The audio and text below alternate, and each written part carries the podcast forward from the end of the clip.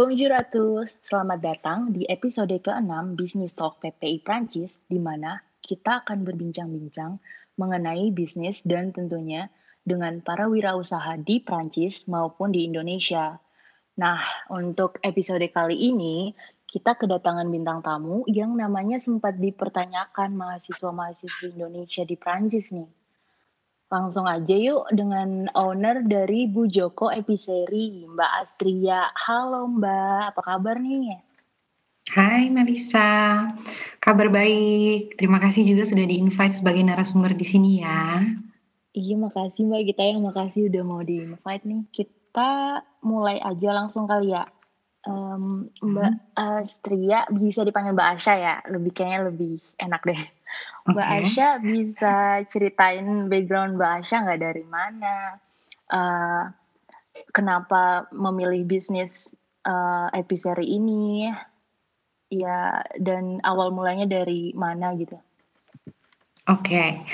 jadi aku cerita sedikit ya dari pengalaman pribadi balik ke tahun 2016. Jadi aku 2016 karena aku menikah dengan salah satu orang Prancis jadi kita pindah ke negara Prancis dari Indonesia. Nah, aku sendiri uh, aku sendiri berasal dari Jakarta, lahir dan besar di Jakarta.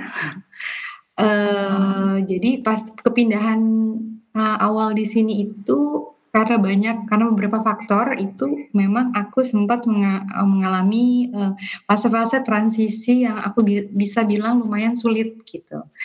Jadi selain faktor iklim, perbedaan cuaca, hmm. udah gitu transisi apa namanya uh, adaptasi dengan culture Prancis, iya. Um, kehilangan mobil ini juga ya apa namanya independence juga ya di Indonesia yang biasanya bebas iya, anak sini mau mobil tiba-tiba di sini waktu itu belum punya SIM jadi memang sulit banget gitu dan terutama yang saya uh, apa namanya paling sadar itu kayaknya karena perubahan pola makan ya kita yang biasanya di Indonesia makanannya begitu enaknya. Tiba-tiba pindah ke Perancis yang begitu yang hambar kurang. Begitu hambar ya betul sekali. Nah akhirnya karena kesulitan itu menemukan produk-produk Indonesia juga karena kotanya tempat saya tinggal waktu itu lumayan kecil jadi uh, memang sulit banget waktu itu ya. Jadi saya memang untuk menemukan produk um, Asia khususnya Indonesia itu memang lumayan sulit Nah, akhirnya pada suatu hari saya itu e, berkontak dengan salah satu teman saya yang ada di negara tetangga, di negara Jerman tepatnya. Itu akhirnya saya mendapatkan informasi Indonesia yang ada di sana dan akhirnya saya coba nih memesan dari apa namanya episode tersebut. Setelah saya pesan kedatangan dan akhirnya saya mulai berkreasi dengan makanan-makanan Indonesia nih. Wah, ada bumbu ini, ada bumbu itu dan itu me, menurut saya lumayan me, apa ya? merubah mood saya gitu. Jadi kondisinya pada saat itu lebih baik karena adanya si produk-produk Indonesia ini. Dan akhirnya saya putuskan pada saat itu saya bekerja juga di salah satu um, apa namanya perusahaan di kota Albi dan berada di pada akhir masa kontrak dan saya berpikir kenapa waktu itu saya nggak membuka aja episode saya sendiri saya sehingga saya tidak perlu kesulitan menemukan produk-produk ini gitu dan akhirnya saya lancarkanlah usaha ini gitu. Menarik banget sih Mbak. Tapi ini Mbak awalnya kan uh, pesannya dari Jerman ya? Iya betul. Buat itu buat pribadi kan Mbak? Mm-hmm, buat pribadi. Itu de, dibelinya dari toko toko Asia di sana atau nitip temen gitu Mbak? Itu dari toko Asia di sana sih. Waktu itu aku langsung oh, gitu. order online. -ha pengalamannya gimana Mbak dibandingin sama Mbak buka bisnis sendiri gitu? Oh, pengalamannya uh,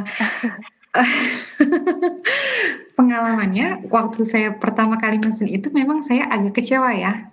Karena produknya yang saya pesen itu ada beberapa yang udah melewati masa expired dan ada beberapa fresh produk yang saya pesen itu udah basi gitu. Dan pada saya saya coba kontak um, customer service-nya, saya nggak mendapatkan respon gitu sampai satu minggu dua minggu saya tunggu tapi nggak ada respon gitu. Jadi saya berpikir oke okay, saya mau mau membuat episode saya sendiri tapi yang uh, apa namanya servisnya lebih baik daripada pengalaman yang saya dapatkan di toko Indonesia yang saya beli ini gitu. Mm -hmm. Iya sih, penting banget itu kita sebagai orang Indonesia di negara lain punya, eee, ingredients ingredients buat masak masakan Indo, itu penting banget. Penting ya. Eee, iya, eee, Mbak, ini awalnya kan dari 2016 itu sendiri kah atau ada owner lain, Mbak? Eee, sendiri, kebetulan karena saya membuka, eee, apa namanya, saya membuat bisnis ini kan micro entreprise ya, jadi dia skalanya memang ke usaha kecil, Usaha menengah, dan mikro. Jadi untuk mikro memang, mmm, 1 orang ya, sebenarnya masih bisa 2 orang sih, tapi harus dikonsultasikan lagi. Cuman, karena memang, eee, secara untuk mengurus dokumen ini kan memang agak repot gitu loh. Kita juga memang sebagai orang Indonesia kadang-kadang agak sedikit, mmm, tersesat ya dalam mau, eee, mengurus dokumen-dokumen ini. Jadi saya memang dibantu juga sama suami saya yang orang Prancis, gitu. Mmm, iya sih emang ngurus ngurus apa-apa di Prancis itu agak, eee, bisa dibilang lama nggak sih, Mbak? Ngurus-ngurusnya? Ngurus-ngurusnya, eee, lama, jadi ada beberapa step-stepnya, mmm, nggak tahu nih bisa saya jelaskan di sini mungkin atau Iya, itu ada beberapa yang, eee, apa namanya, beberapa waktu tunggunya sekitar 4, 5 minggu, cuman total dari keseluruhannya menurut saya sekitar 2 bulan ya, sampai bisa siap untuk mulai, apa, aktivitasnya, Tapi, gitu. eee, selama proses itu belum boleh start ya? Belum boleh. Jadi yang paling penting itu pada saat kita membuat mikro eee, pada saat kita membuka usaha kita itu yang paling penting itu adalah nomor identifikasi perusahaan atau biasa kita dengar dengan nomor SIRE. Nah, SIRE, begitu kita sudah mendapatkan si nomor SIRE ini, sebenarnya kita sudah bisa memulai aktivitas profesional kita, gitu. Oke, eee, proses dari awal banget sampai ke nomor SIRE dapet nomor SIRE-nya itu boleh nggak dijelaskan, Mbak? Boleh. Mungkin iya Jadi gini penasaran. Oke. Jadi untuk pembuatan mik eee, micro entreprise itu memang, eee, ada beberapa tahapan ya. Cuman yang pertama saya jelaskan tadi adalah mendapatkan nomor identifikasi perusahaan atau nomor SIRE tersebut. Untuk mendapatkan nomor ini kita bisa registrasi online, itu di, mmm, di website-nya Ursaf ya, jadi ada Iya, autoentrepreneur.ursaf.fr. mhm. Nah, di situ kita bisa registrasi online, kita bisa mengisi formulir, kemudian melengkapi alamat surat menyurat, eee, memasukkan jenis aktivitas profesionalnya apa, gitu. Terus udah gitu kita melengkapi juga memilih, eee, rezim fiskal sama sosialnya, eee, rezim fiskal itu untuk sistem pajak ya. Mhm. Nah, setelah kita lengkapi ini, kita cuman menunggu saja penerbitan dari nomor SIRE tersebut, yang prosesnya akan memakan waktu 4 sampai 5 minggu kurang lebih. Tadi nomor nomor SIRE-nya itu pas udah dapet, eee, langsung udah boleh start kan, Mbak? Sudah bo sebenarnya sudah boleh start, tapi kembali ke aktivitas profesional yang akan kita, eee, buka ini. Jadi bisnisnya ini aktivitasnya apa. Kebetulan saya aktivitas di, eee, di usaha saya ini adalah, eee, commerce ya, dia penjualan. Mhm. Jadi saya harus melanjutkan ke, mmm, pendaftaran, eee, untuk meminta nomor TVA.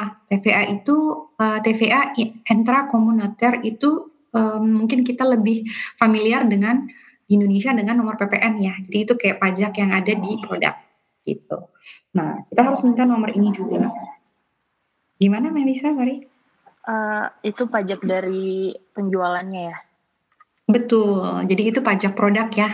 Itu kita harus minta juga untuk nomor tersebut di amplop. Mmm, oke. Eee, ada nggak syarat-syarat Gitu. spesifik gitu buat, eee, Eee memperoleh nomor SIRE-nya? Untuk nomor SIRE, eee, itu sih sebenarnya melengkapi formulir aja. Nah, nanti kemudian untuk la tahapan berikutnya untuk meminta nomor TVA ini syaratnya adalah nomor SIRE gitu. Jadi memang yang paling basic adalah nomor SIRE. Nomor SIRE ini akan diminta set pada tahapan-tahapan berikutnya setiap kita, eee, mau melegal melegalisasi usaha kita, gitu. Nah, mungkin juga untuk teman-teman PPI yang nanti tertarik misalnya untuk membua membuka usahanya sendiri poin kontak juga yang paling penting itu adalah namanya CCI. Apa tuh, Saya share sedikit ya, CCI itu nama eee, CCI itu adalah Chambre, eee, Commerce, uh, Chambre de Commerce et d'Industrie gitu. Jadi nanti di sini ada konselor yang akan membantu kita uh, membimbing kita juga untuk ngasih tahu nih step-stepnya adalah begini begini begini gitu. Jadi kita nggak tersesat di tengah-tengah. Poin kontak ini sangat penting karena uh, kita akan selalu kontak sama mereka gitu untuk penerbitan sertifikat perusahaan, misalnya untuk pendaftaran di um, di berbagai instansi yang berbeda itu nanti kita akan poin kontaknya dari CCI ini gitu. Jadi di guide step by step gitu ya Mbak ya? Betul. Wah, bagus dong. Beda banget gak sih sama di Indo kalau Iya, kalau di Indo biasanya kita pakai calo kan? Kalau misalnya di sini terstruktur banget udah calonnya udah include gitu. Iya benar. Benar-benar. Uh, kalau ininya ada nggak sih syarat buat modal awal gitu minimal berapa gitu?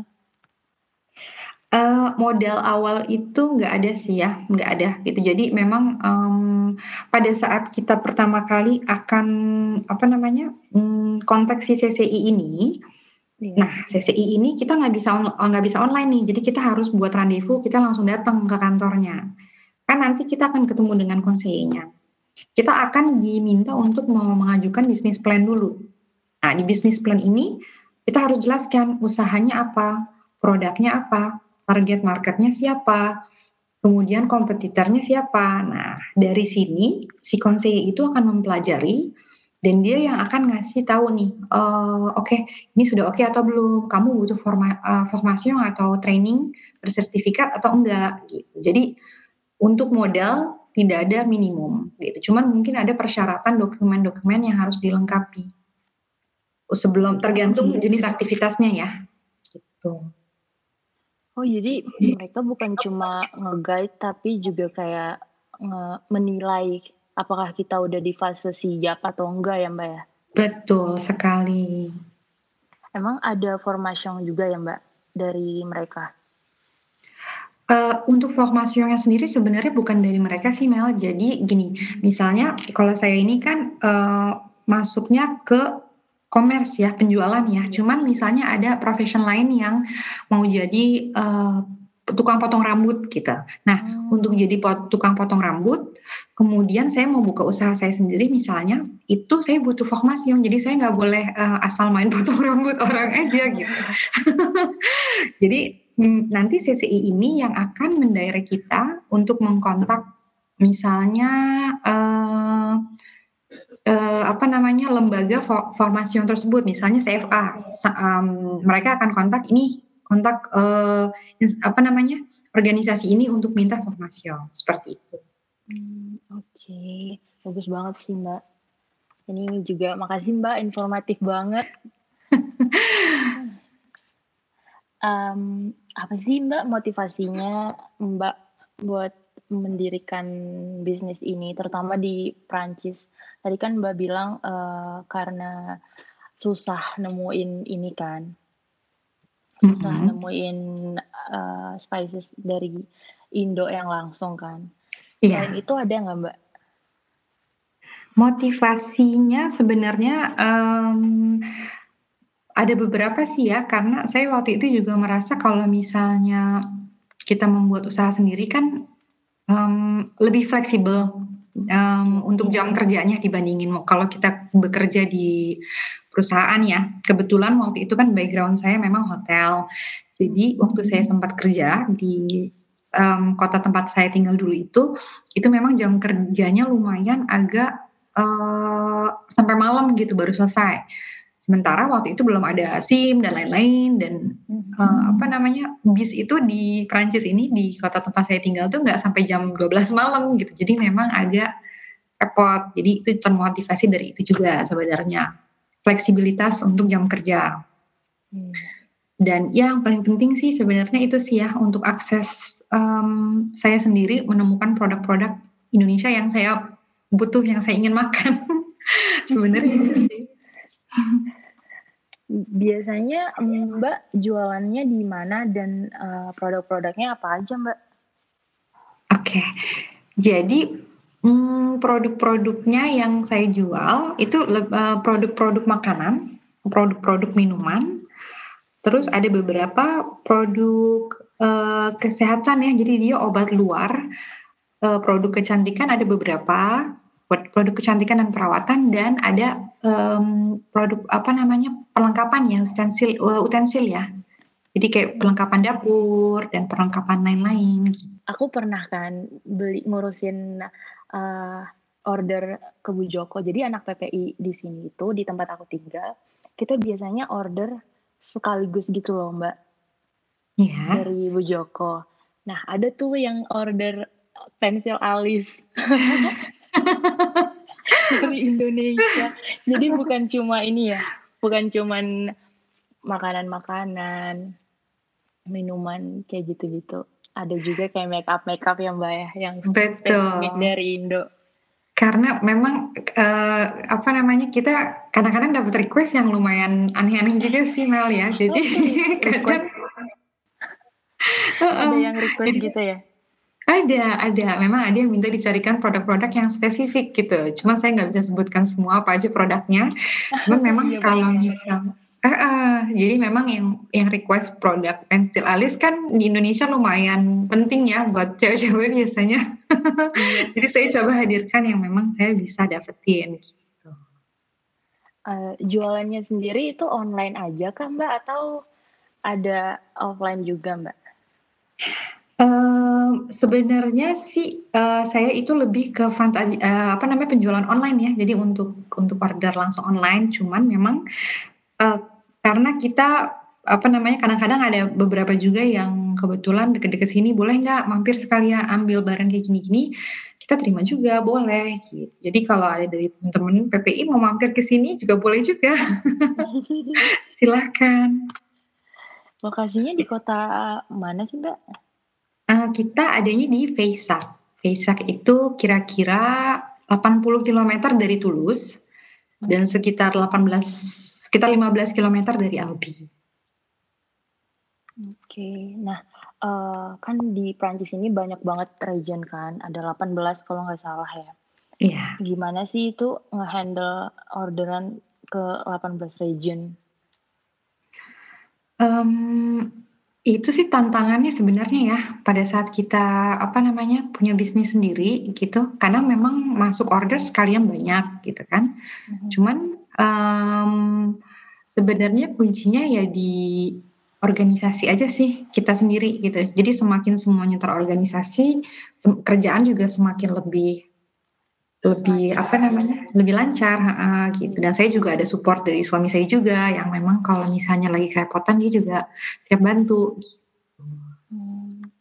Mbak ngurus semuanya sendiri kah atau Mbak ada hire orang gitu buat ngebantuin?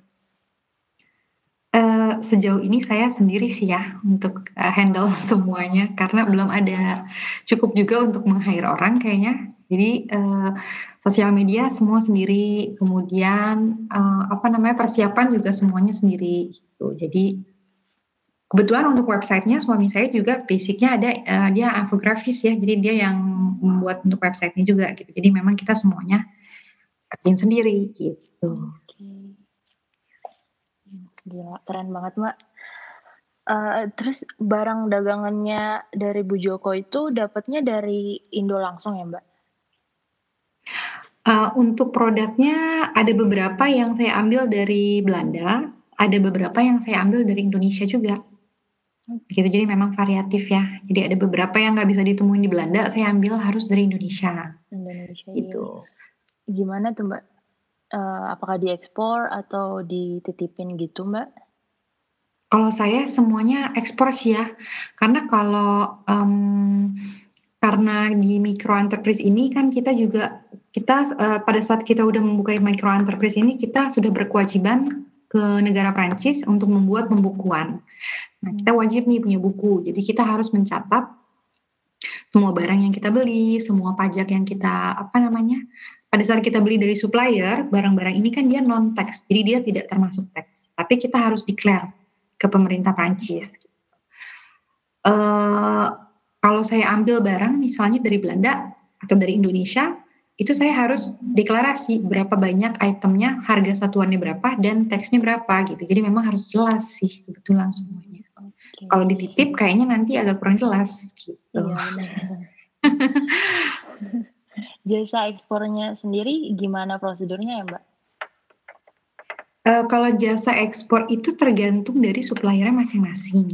Kalau dari supplier um, saya, kebetulan mereka sudah biasa ekspor ke Eropa antar negara. Iya. Jadi memang kita biasanya pesan uh, barang-barang yang kita mau apa namanya kita mau order, kemudian mereka kasih invoice, uh, kita settle payment, kemudian mereka langsung kirim ke sini gitu. Nanti kita tinggal di, tinggal diklar, tinggal deklarasi aja karena kita sudah punya surat izin untuk perdagangan kan di sini untuk mengimpor barang-barang dari negara-negara Eropa itu sebenarnya nggak dikenakan teks lagi karena kita kan bayar teksnya langsung ke ampo itu yang TVA itu. Oh, Jadi, gitu ya. Mm, Jadi nggak double bayar gitu mbak? Iya betul. Oke. Okay. Tapi ada nggak sih hambatan-hambatan apalagi pas pandemi kayak gini mbak? Uh, hambatan sebenarnya um, ke, ke pandemi kalau menurut saya itu lebih dari ini ya apa namanya jasa pengiriman.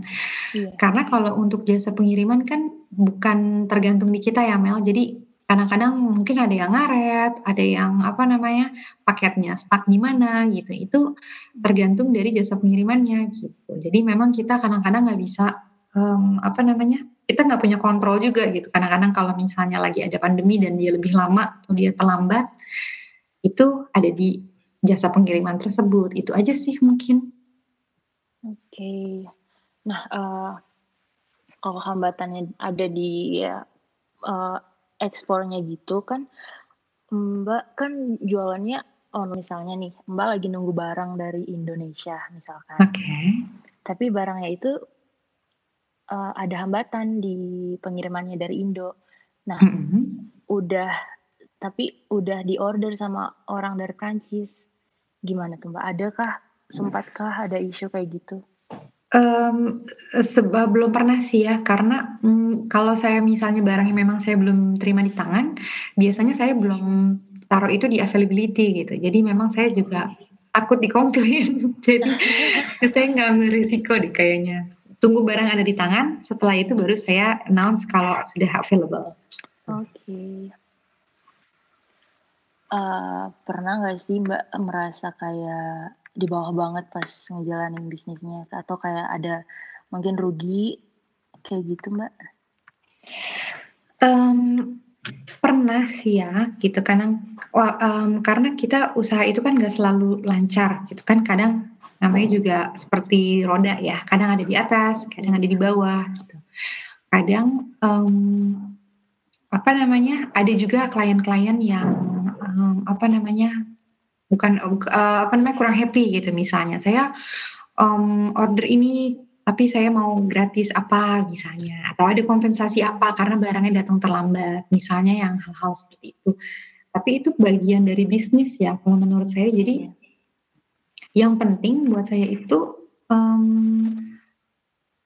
uh, customer itu happy gitu. Jadi memang kadang oh ini kok produknya nggak enak banget sih yang ini gitu. Walaupun itu kan sebenarnya bukan tanggung jawab kita ya karena bukan kita yang bikin produk kan. Iya benar. Tapi tapi ya itu memang bagian dari bisnis ya. Jadi memang um, visi tergantung visi dan misinya sebenarnya usahanya nih apa nih menjual sebanyak banyaknya kah atau membuat uh, customernya lebih happy banget lah atau apa gitu. Cuman memang ada di atas, ada di bawah.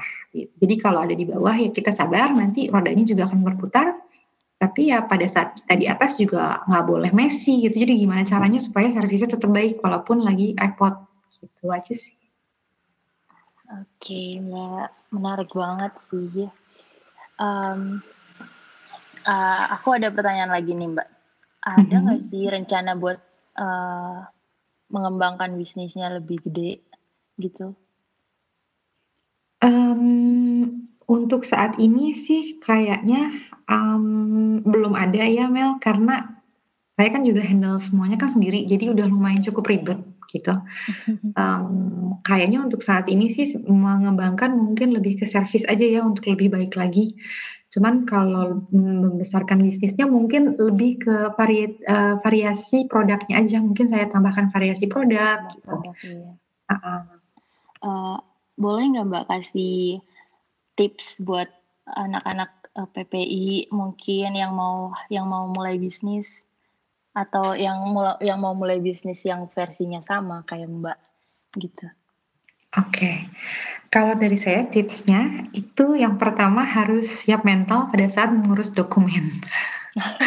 Karena ini bagian yang menurut saya itu paling paling membutuhkan effort ya pada saat mengurus di, uh, demarche awal ini gitu. Jadi memang harus butuh semangat 45 nih. Kita nggak boleh mundur deh. Jangan sampai punya ide udah punya ide bagus, terus karena kita aduh ragu-ragu atau aduh ini apa ya gitu. Terus kita mundur gitu jangan. Kalau punya ide um, tulis di kertas gitu apa ide kita um, bikin bisnis plan cari info sebanyak-banyaknya terus langsung kita kontak uh, poin-poin kontak yang sempat saya sebutkan tadi. Jadi ada ursaf ada CCI uh, itu aja dulu yang paling penting ya ursaf dan CCI nah setelah udah dapat kontak ini lanjutkanlah step-stepnya gitu jadi nanti kan kita akan dibimbing ikutin semua step-stepnya dari awal sampai akhir dan yang paling penting juga um, kalau kita sudah selesai dengan urusan dokumen ini berarti kita juga sudah punya kewajiban kepada negara Prancis untuk menyelesaikan uh, untuk membayarkan pajak dan potongan potongan yang sudah ditetapkan gitu. Jadi kita juga harus mengerti tentang pajak-pajak ini dan jangan sampai kita nggak bayar pajak aja sih. Uh, ada satu lagi yang aku penasaran banget. Iya. Aku penasaran banget nih, uh, target marketnya Mbak apakah cuma orang Indonesia aja atau pernah dapat customer orang Prancis, Mbak? Oke, okay. jadi sebenarnya oh, tadi aku lupa juga ceritain ini skip ya. Jadi awalnya banget itu kenapa aku mulai Bu Joko ini itu kan um, pas awal aku belanja ini di salah satu toko online dari negara tetangga ini kan aku banyak nih punya banyak banyak banyak produk Indonesia ya. Nah di di negara di apa namanya di kota ini sendiri itu kan saya nggak begitu banyak teman-teman Indonesia gitu. Jadi memang ada beberapa teman tuh orang dari negara-negara tangga gitu dari family keluarga suami juga kan bukan orang Indonesia. Nah itu coba saya buatin masakan-masakan Indonesia itu memang komentarnya positif banget gitu. Oh makanan Indonesia ternyata enak ini gitu. Kita nggak pernah tahu gitu. Kan di sini memang adanya banyak kan makanan Thailand banyak kan mak makanan Jepang makanan Chinese food gitu. Tapi Indonesia kan memang kurang ya. Nah iya. jadi saya perkenalkan dengan makanan-makanan Indonesia responnya positif banget gitu. Jadi memang ada beberapa orang Prancis juga sih marketnya yang akhirnya saya targetkan juga gitu. Jadi dari teman-teman mulai dari situ ya, dari circle kecil, teman-teman, keluarga dan mulai sekarang sih ada beberapa kontak juga yang memang um, bukan orang Indonesia gitu, jadi orang Prancis dan sebagainya. Gitu. Ya, soalnya banyak kan bumbu-bumbu yang udah jadi yang bisa langsung mereka olah gitu kan, Mbak. Mm -mm. Benar dan mereka memang ternyata kaget banget gitu Mel makan mencoba apa namanya kayak uh, saus-saus pecel gitu kan. Iya. Uh, uh, itu memang kan enak ya, memang kayaknya beda banget gitu dibanding. Beda banget sama versi Prancis gitu kan, Mbak. Beda banget kan. Cuman memang yang yang non spicy ya kalau untuk uh, bukan orang. Indonesia ya. Uh -huh. Gitu. Iya sih, Mbak.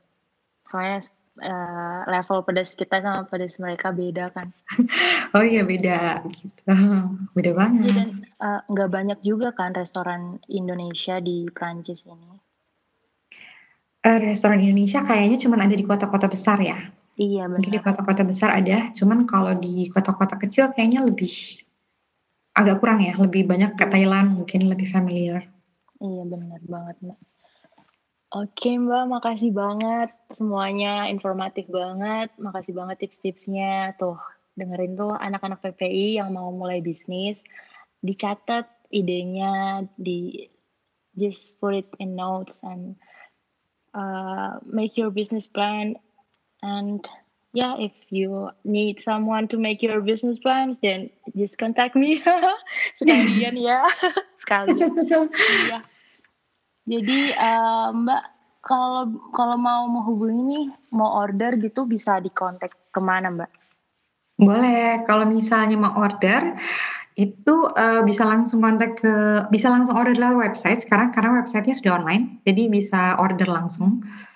Um, bisa juga kontak lewat WhatsApp. Aduh, saya nomornya nggak hafal ya nomor sendiri. Mungkin nomor WhatsApp-nya ada dicantumin di mana gitu, Mbak? Nomor WhatsApp-nya dicantumin di website di www.bujoko.fr. Oke.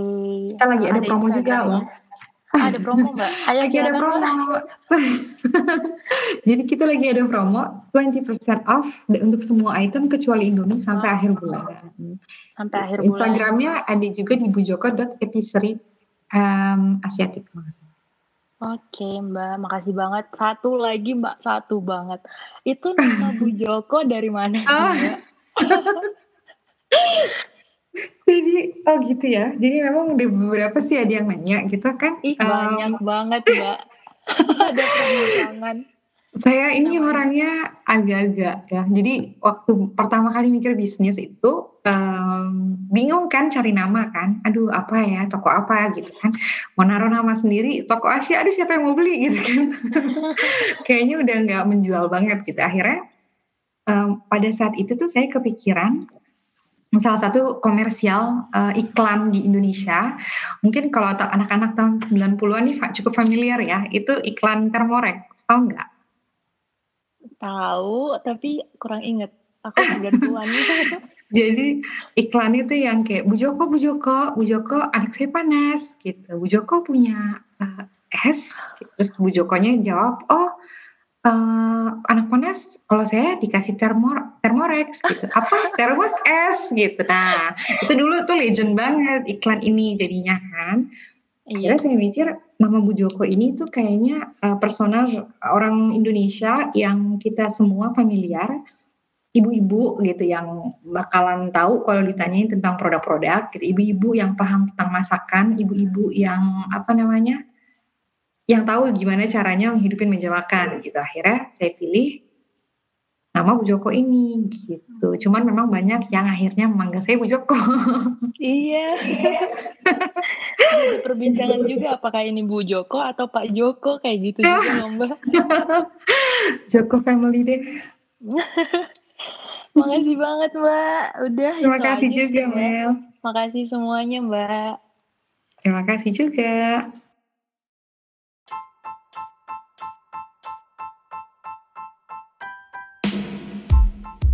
Jangan lupa untuk mengikuti sosial media kami di Facebook, YouTube, Twitter, dan Instagram di @ppi_prancis serta mengunjungi website kami di www.prancis.ppi.id. Ciao.